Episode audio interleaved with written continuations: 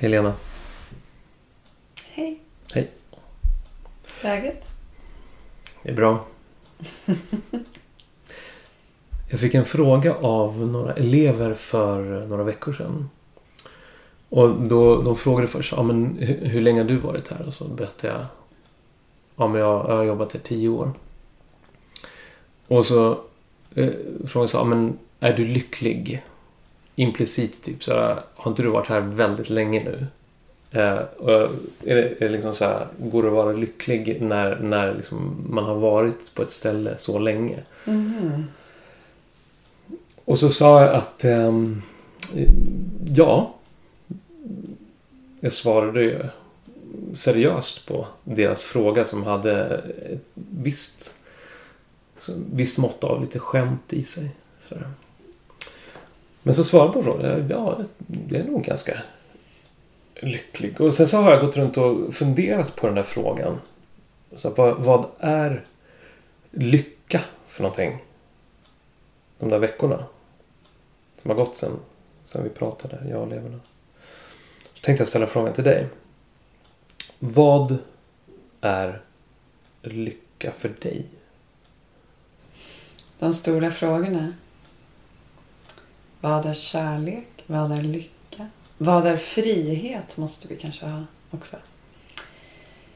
Eh, jag tänker, du har ju funderat mer än jag på det här nu. Men när du sa att du ville prata om det i en podd så tänkte jag ändå att vissa tankar har jag ju ändå. Ehm, jag känner mig lycklig. Eh, och det betyder verkligen inte att jag alltid mår bra. Eh, utan det är ju någonting annat. Liksom. Och jag vet inte om jag kan ge en... eh, Jag vet inte om... Jag tror inte jag kan ge någon definition. Men... Ehm, det är ju någonting som är intressant med lycka tycker jag. För jag tänker att det är ju in... Jag vet ju vad det inte är. Det är ju inte att få sitt begär tillfredsställt. Alltså man kan ju få en lyckokänsla då i och för sig. En, en känsla av lycka. En känsla av verkligen tillfredsställelse, kanske ett bättre ord på något sätt. Behovs, begärs behovstillfredsställelse. Eh, men att, att vara lycklig på ett mer hållbart sätt. Resilient sätt kanske man kan säga. Vad betyder det? Resiliens är ju eh, ett sånt där begrepp, resilience, som, som man pratar ganska mycket om. Ehm, jag vet inte vad, vad definitionen är, men det har typ att göra med att, att, att som ett ekosystem till exempel, tänker jag, kan vara resilient. eh, Eller ett samhälle kan vara resilient och då, då klarar det av eh, påfrestningar och kan ändå liksom jag tror att det är någonting sånt. Att man klarar av påfrestningar och kan ta sig framåt ur det. Och en Mm. människa kan vara mer eller mindre resi- En person kan också vara mer eller mindre resilient. Men är, betyder det typ motståndskraftig? Ja, det gör det väl. Något i den. Men man använder begreppet resilient även på, på svenska i forskning och så. Mm. Och det kanske är för att det finns någon liten skillnad i, i nyanserna. Så nu, ja, jag, tror att jag är på rätt spår med det jag sa nu. Men jag är inte helt hundra. Men någonting i den stilen. Men hur skulle det vara Det som en person?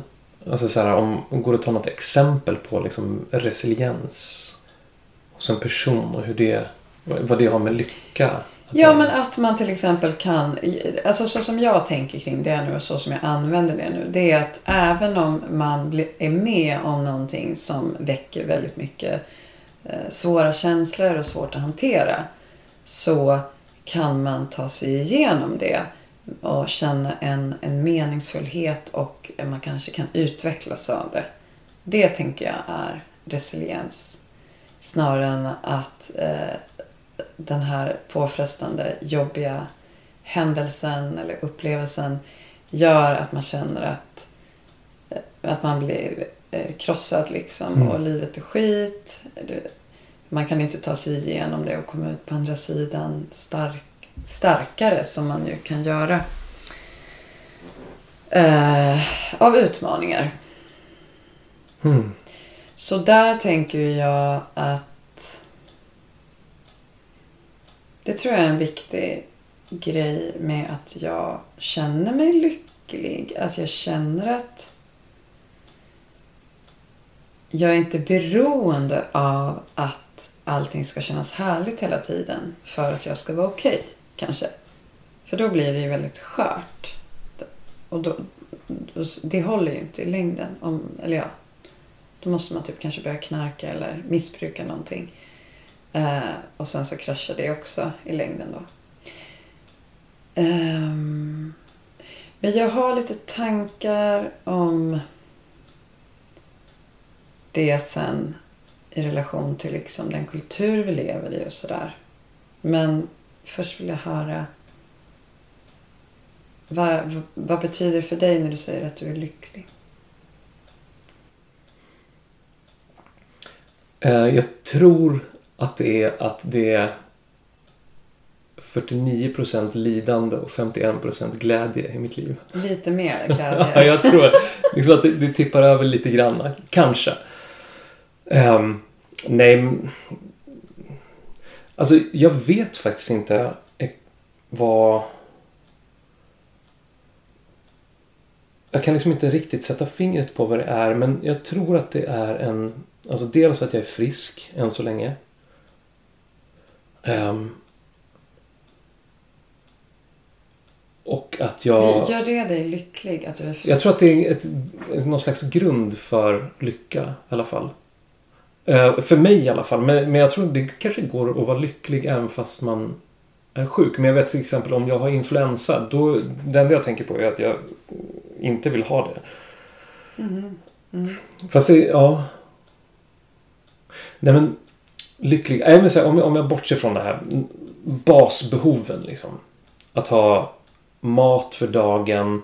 Att vara frisk och att ha en, en trygghet med familj. Så, så skulle jag nog säga så här, lycka för mig. Det, det, finns tillfällen när jag verkligen när jag känner mig lycklig. Och det är nog... Eh, jag tror att det är lördagmorgnar.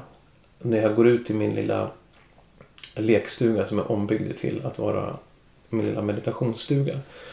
Och när jag sitter och dricker te och så hör jag naturen utanför och eh, fåglar som börjar sjunga nu på morgonen.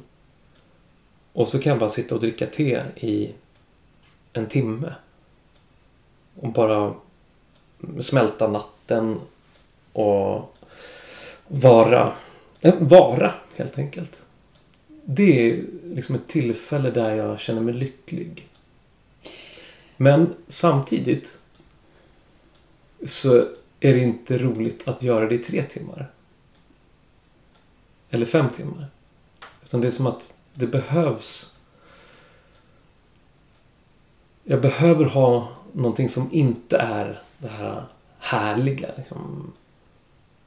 För att annars så blir det ju inte härligt. Alltså det är som att jag behöver ha en balans. Och jag tror att lyckan är nog för mig att jag att mitt liv rymmer båda och att det får vara båda. Jag tror att det är där lyckan är. Mm. Alltså något slags, att jag har fått med åldern tror jag fått något slags jämnmod. Mm. Och att jag känner att det finns någon slags riktning och en, en botten av mening. mening ja. Mm. Jag tänker, är inte me meningskänslan väldigt viktig? Det tror, men verkligen. För det, det, det kan ju, alltså att genomgå smärta och lidande det kan jag ju göra och kan faktiskt göra det med glädje. Mm. När jag känner att det här har en djup, djup mening för mig. Mm. Så egentligen så kanske lycka är meningsfullhet, att känna mening. Ja. Och ett sammanhang med världen. Exakt. Jag, jag tror också det att jag kommer att tänka på alltså kontakt. På tal om kärlek, för när vi pratar om det tror jag i vårt pilotavsnitt så har jag för mig att jag också pratar om det här med kontakt. Alltså jag tror att, att vi behöver, och nu säger vi, människor behöver kännas i kontakt med andra människor men också med eh, världen. Liksom. Och det, det är nog väldigt mycket det som skapar mening. Tror jag nog. Det är det, det som skapar en känsla av meningsfullhet. Och man kan ju verkligen alltså, vara så i kontakt när man eh, känner värsta smärtan. Som att föda barn till exempel. Ja, nu är det ett sånt här klassiskt exempel på en härlig och lycklig grej. Även om det gör ont. Men, men eh, att brista ut i gråt över någonting eh, kan ju vara väldigt meningsfullt och en del av, av en lycklighet, tänker jag. Även om det gör ont. Men det är ju intressant, tycker jag. Det är egentligen samma... Jag har ju tänkt ganska mycket på kärlek. Man kan ju tänka på kärlek som en känsla. Och jag känner kärlek. Och, och, och, men man kan ju också tänka på det som någonting annat än den där känslan.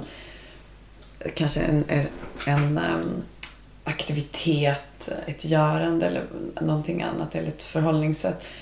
Men lycka, jag tänker också att du, du pratar ju om en känsla av lycka i den här situationen där du sitter och dricker te och mediterar. Och samtidigt så vet jag att du har situationer där du inte har den känslan som du säger själv. Men ändå är det någonting att jag är lycklig på ett mer övergripande plan. Mm. Som, ju, som ju säger någonting. Det är inte så att du är olycklig i de här situationerna när det är lite jobbigt. Som när du har vabbat i fem dagar i rad och klättrat på väggarna. Till exempel. Liksom. Det. är du lycklig då? När du har vabbat i fem dagar och klättrat på väggarna? Alltså känslan är nog inte lycka. Men jag tror att det beror lite grann på hur jag har hanterat dagarna. Mm. Vissa, vissa gånger är det som att jag, jag hittar liksom ingen form på det. Och, och, och kommer in i någon slags, "Nej, jag vill, ah, jag vill bara att det ska ta slut. Men, men andra gånger så har jag, har jag på något vis gått in i det med någon slags, eh, ja men nu ska jag göra det här på ett bra sätt. Och försöka skapa en form, eh, att se till att, att jag finns till mer för dem än att jag bara ska härifrån. Sådär. Eh, Eller att jag vill komma till jobbet. Ja, men precis. Eh, Att jag vill komma tillbaka till jobbet. Och sådär, utan att bara säga, men nu, nu är jag faktiskt... ehm, nu ska jag vara här för dem. Och, och då, då kan jag känna sen i efterhand att, att det finns en lycka i det. Att, att ha försökt ge någonting. Ja, just det. Skapa någonting. Meningsfullheten kanske igen. Ja, men verkligen. Mm. Verkligen. Och, och, men det där är alltså... eh, Jag tycker det är svårt att vara förälder. Och jag tror inte att jag är ensam om det. Nej, det, snacka om frus- frustration av ens egna egobegär liksom, kring Ja. vad man skulle vilja ofta.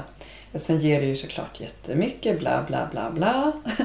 Men, men på tal om barn, så för det, det jag tycker känns ändå lite viktigt att prata om med lycka är att just det här att det inte är begärstillfredsställelse. Och det är ju någonting som för dig och mig är ganska självklart för vi håller på med ja, meditation som väldigt mycket är att eh, lära sig bli lite fri från det här vill ha, vill ha, måste det, måste det. Och transcendera det lite grann. Men jag tänker på vårt samhälle är ju, vår kultur är ju ganska mycket konstruerad utifrån någonting. Ja, men konsumtion till exempel. Det här att, att tillfredsställa olika eh, begär. Till exempel då med ting eller upplevelser. Som en del då av ett eh, kapitalistiskt system och allt sånt. Eh, Så det finns liksom intressen av att, att upprätthålla det. Starka intressen. Eh, men sen då, som ju är ganska... De, de flesta människor ändå håller med om tror jag att det, det, man blir inte lycklig av att köpa en massa coola grejer. Det, det finns ju ändå en ganska så stark samstämmighet kring det också. Men ändå så så tror jag att ändå, det, det är inte alla som, som hänger med oss i det här med att det kanske kan vara en del av lycka att avstå. Liksom. Och se vad som händer då. Mm. Eh, även om det såklart finns massa sådana strömningar också i kulturen. Men, men så tänker jag på det här med barn. Att, att ha barn som kämpar med det här. Det är ju väldigt intressant att vara med i den resan. Att barn är ju begärsstyrda mer än de flesta vuxna.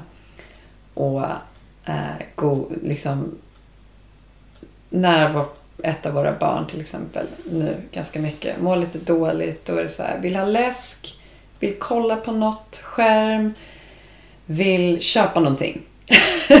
alltså det är så tydligt. Det är så intressant tycker jag. Uh, och att då försöka... Det är ju, han vill ju bli lycklig liksom. Genom, men, men det är ju en, en omogen eh, ett omoget mönster. Och då är vår, vår uppgift då som vuxna att hjälpa honom att se vad som händer om man inte får det där direkt. Eh, och se om man kan hitta då någonting djupare och mer beständigt. Liksom.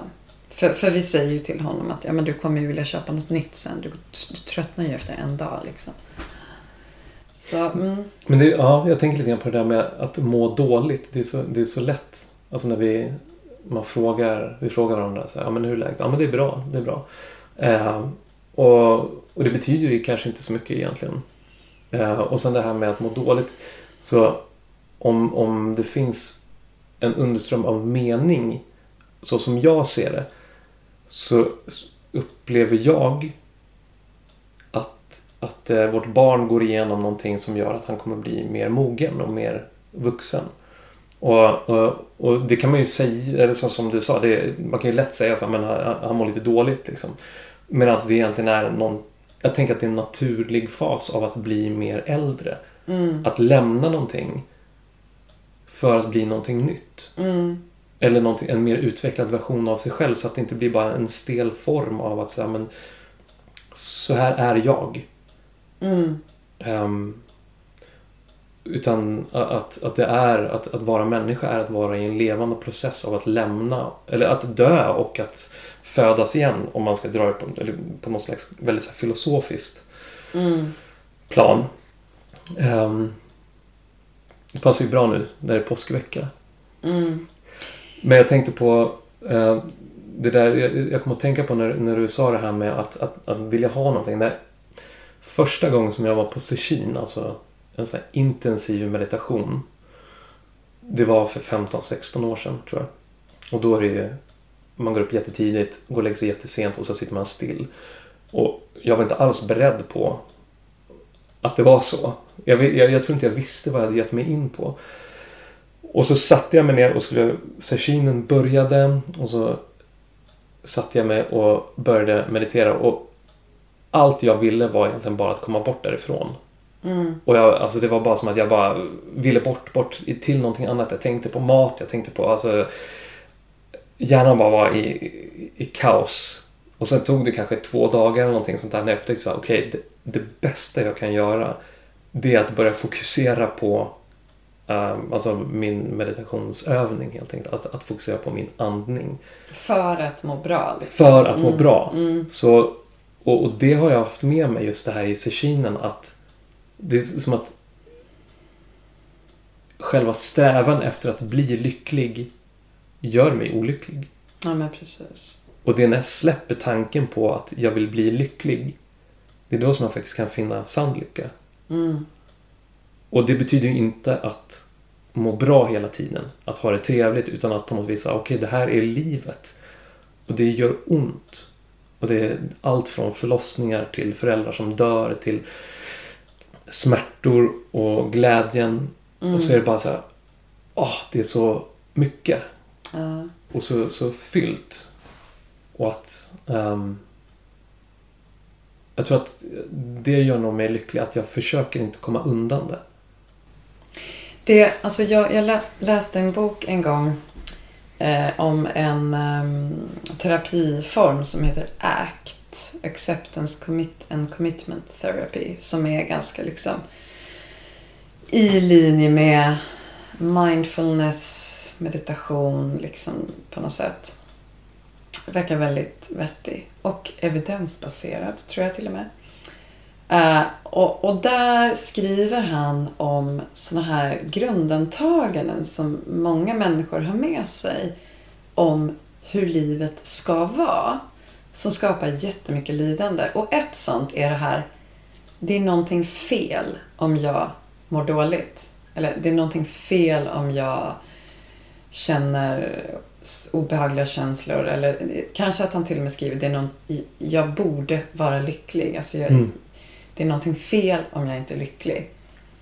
Och det menar han då är ett sånt där, men vem har sagt att vi ska gå omkring och ha det jättehärligt hela tiden? Men det är ju, det, det kan jag känna igen hos mig själv. Att, att jag har något sånt grundantagande, inte så mycket längre tror jag, men liksom att det, det är någonting som är, är fel för nu mår jag lite jobbigt så att säga. Och det kanske är evolutionärt att det liksom är för att vi ska ja, kom, skärpa oss och göra rätt saker för att åtgärda hur vi har det. Men, men um, för mig var det bara så här papang ögonöppnare när jag läste det. Bara, ja det är verkligen sant. Va, vem har sagt att vi ska gå omkring och ha det så härligt hela tiden? För det är ju om, om man tänker att vi är, som du säger, livet är smärtsamt, att vi är en del av naturen. För det är vi ju, mm. även om vi ofta tänker att vi inte är det. Så varför skulle det vara... Det är ju liksom hela naturen, växandet, utvecklingen är ju... Eh, alltså knopparna som brister till exempel. Alltså för att ta ett sånt där härligt exempel. Nu när det är vår, Karin Boye, visst gör det ont när knoppar brister. Det är ju liksom en sån fantastisk metafor. Varför skulle det inte vara annorlunda? Eller varför skulle det vara annorlunda i det mänskliga var att, att det bara skulle kännas härligt hela tiden. Ja. Det får man tänka på i, i vårt samhälle. Så vi har, vi har en ganska, vad ska man säga, vår relation till sorg är inte helt konstruktiv, upplever jag i vårt samhälle. Mm. Av att vi säger vi beklagar sorgen. Det är jättevanligt att man säger att man beklagar sorgen. Och för mig är det så här, men sorgen är ju liksom det som gör att jag kan ta avsked. Av, men, eh, så båda mina föräldrar är döda och, och jag försökte gå in och vara väldigt närvarande i den processen så gott det gick utifrån de förutsättningar som jag hade. Eh, och där sorgen är ett sätt att, att lämna. Och att, att beklaga sorgen. Man kanske, det kanske kommer från att man beklagar förlusten egentligen. Eller någonting sånt. Mm, mm. Men, men sorgen är en, en sån otroligt viktig del av att vara människa. För det är på något vis som att sorgen är det som skapar rum för någonting nytt. Mm. Och om jag inte kan låta sorgen få ta plats och ta, ta sig ur mig. Då är jag på något vis låst i någonting. Mm. Um,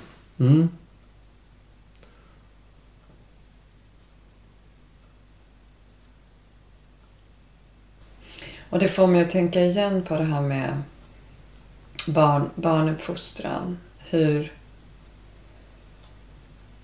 Alltså att det finns, det finns en stark tendens i samhället att, att man liksom vill få ett barn att sluta vara ledset. Och det är klart att man, alltså om ett barn blir ledsen eller arg eller andra sådana här jobbiga känslor och sen så finns det ju mer och mer nu medvetenhet om att det inte är så bra. Eh, man ska låta barn känna det de känner men finnas där och liksom hjälpa dem att eh, utveckla sätt att hantera sina känslor.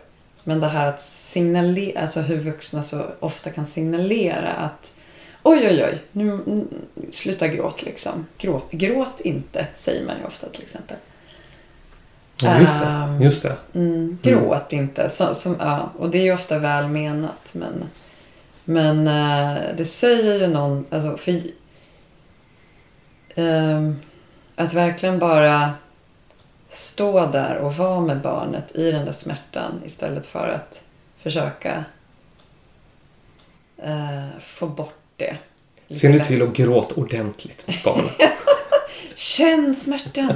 Känn, är, må, är du inte lite ledsen? Ja. Nej men precis. Det kan säkert gå överstyr åt fel håll. Kan jag, det, skulle, det skulle vara roligt att se någon sån här sketch om det. Det skulle kunna bli jättekul tror jag. Så här PK-föräldrarna. Men nej, men alltså det, alltså där har jag tänkt på eh, jag tycker det är intressant med relationen mellan psykologi, individ å ena sidan och politik, samhälle, samhälle, samhällsutveckling å andra sidan.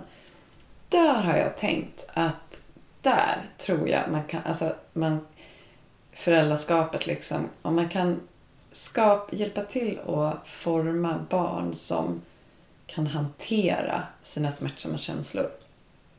Och känna att de, de är okej, okay, de är en del av livet. Jag dör inte av dem, de får vara här. Det tror jag kan förebygga till, våld till exempel. Det pratade vi om för ett tag sedan. Ja. Vi var nog inne på det kanske. Hur menar du med det politiska samhället? Alltså, kan du förtydliga? Ja, ja men det kanske är lite... Jo, men eftersom jag är feminist så, så pratar jag ju mycket liksom om att Eh, till exempel frågan om våld, mäns våld mot kvinnor. Den har att göra med liksom könsmaktsordningen, den har att göra med så vidare samhälleliga maktstrukturer. Och då kan det bli så här att om man börjar psykologisera så är det som att då, då går man bort från det här att se det som politiska strukturer. Men jag, jag tänker att de där är ju ihoplänkade.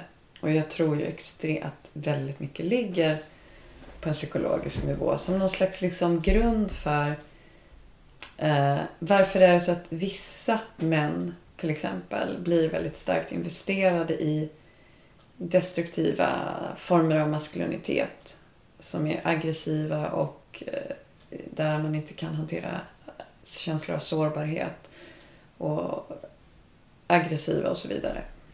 Som Hanna Bonäs skriver om i sin avhandling som kom ut för ett halvår sedan ungefär.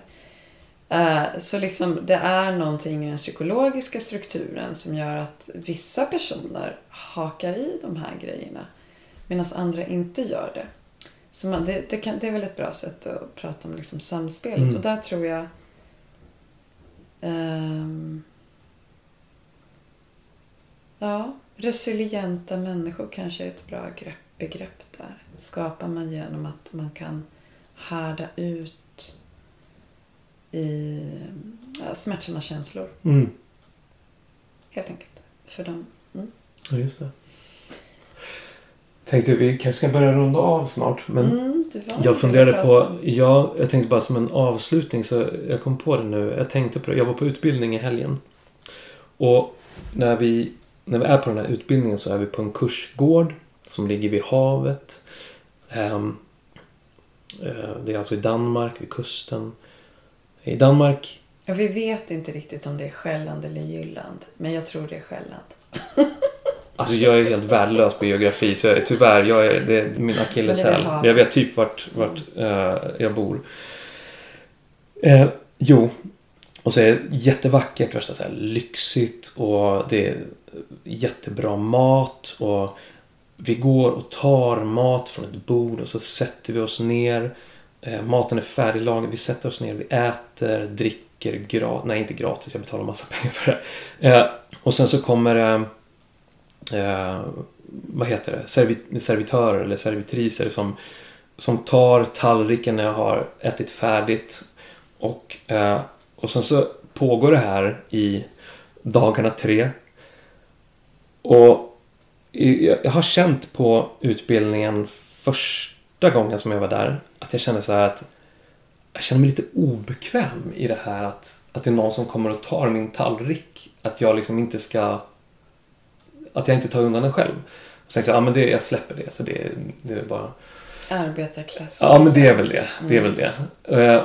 Men nu när jag var där den här helgen så, så kom jag på vad det var. Och jag insåg att lycka är att få diska sin egen tallrik. Mm. Och det kanske låter så här konstigt eller klyschigt men det fanns verkligen mer här med att en del av måltiden är att göra arbetet inför den. Och en del av måltiden är att äta den och en del av måltiden är att ta undan. Mm. Och, att det, och det här är ju bara för mig. Det var ju andra, vi pratade om det när vi var där och det var andra som tyckte det var jättetrevligt. Och det kan jag verkligen tänka mig. Men, men jag tänkte så att jag tror inte att kungar förr i tiden var lyckliga. För de behövde liksom inte göra Arbeta. någonting. Nej. Och jag tror att det finns en lycka i alltså att det, livet är inte ja. bara... Ar- härligt. arbete tror jag man blir lycklig av om det sker på rätt sätt. Men, men det, har inte det också att göra med meningen? Jo, Att man, man, man, för där kan vi ju verkligen handla om... Hur, eller hur tänker du? Ja, men att man, man, man... eh, Det finns en ordning där för att jag ska få mat så krävs det att någon lagar maten, att någon odlar maten och liksom, ju mer man kan liksom vara en del av Mm. att man inte blir alienerad från... För det är ju det verkligen rika blir. De blir ju alienerade från liksom de här processerna som skapar allting. Mm. Som de bara får frukten av hela tiden. Och det... Att man inte då blir lycklig tror jag gör med att det är någon meningsförlust i det. Något, eller det här med sammanhang, helhet. Mm. Liksom. Sen kanske det kanske är något med själva ansträngningen i sig också som vi, vi, vi mår bra av förmodligen. Ja, just det. Men, man, men då kan man ju gå på gym istället eller något. Men jag tror inte det riktigt ger samma, Nej. samma grej där. Ja, men jag tror verkligen att du har en poäng just det här med att, att, att jag känner att jag är en del av Mm, någonting. För, för det var som till och med så att, att jag kom till den punkten att jag kände så här, men vänta, det här är nästan lite ihåligt. Mm, mm. Så det blir nästan som en chimär. Att, det, Mm. så här, att det, det ska vara, ja men det är lyxigt sådär. Och så, så bara kände jag så här, jag tycker om att vara hemma Mm. och laga mat. Alltså jag tycker om, alltså nu när det är lite mindre intensivt med hushållsarbetet och barn, eller framförallt då barn för att de är äldre. Nu, alltså jag tycker om att städa nu. Alltså jag, för, för jag känner att jag liksom blir en del av the circle of life liksom. Men sen var det lite för mycket där ett tag. lite för mycket jobb. Så att det måste ju vara en balans, tänker jag. Mm. Men ja, nu får vi nästan sluta. Jag bara, eller nej, jag, det bara kom, poppade upp en till tanke liksom kring med det här med hur mycket människor har arbetat i historien. Liksom. Alltså, vi lever ju... Alltså så här, också såklart uppdelat mellan klasser och sådär. Men, men eh, alltså tänk er det gamla bondesamhället liksom. Folk bara slet och slet och slet dagarna i ända. Och det kanske är lite too much liksom. Inte minst om man är fattig och så. Men, men, men eh, Så kanske tillbaka till det här, så här 49% lidande, 51% glädje. ja, Eller? Det behöver vara lagom i alla fall. Det... Och, mm. För mycket arbete är inte... Mår inte jag nej, bra av en heller. balans, en Mm. balans. Det är alltid svaret på alla frågor. Eller hur? Hej då.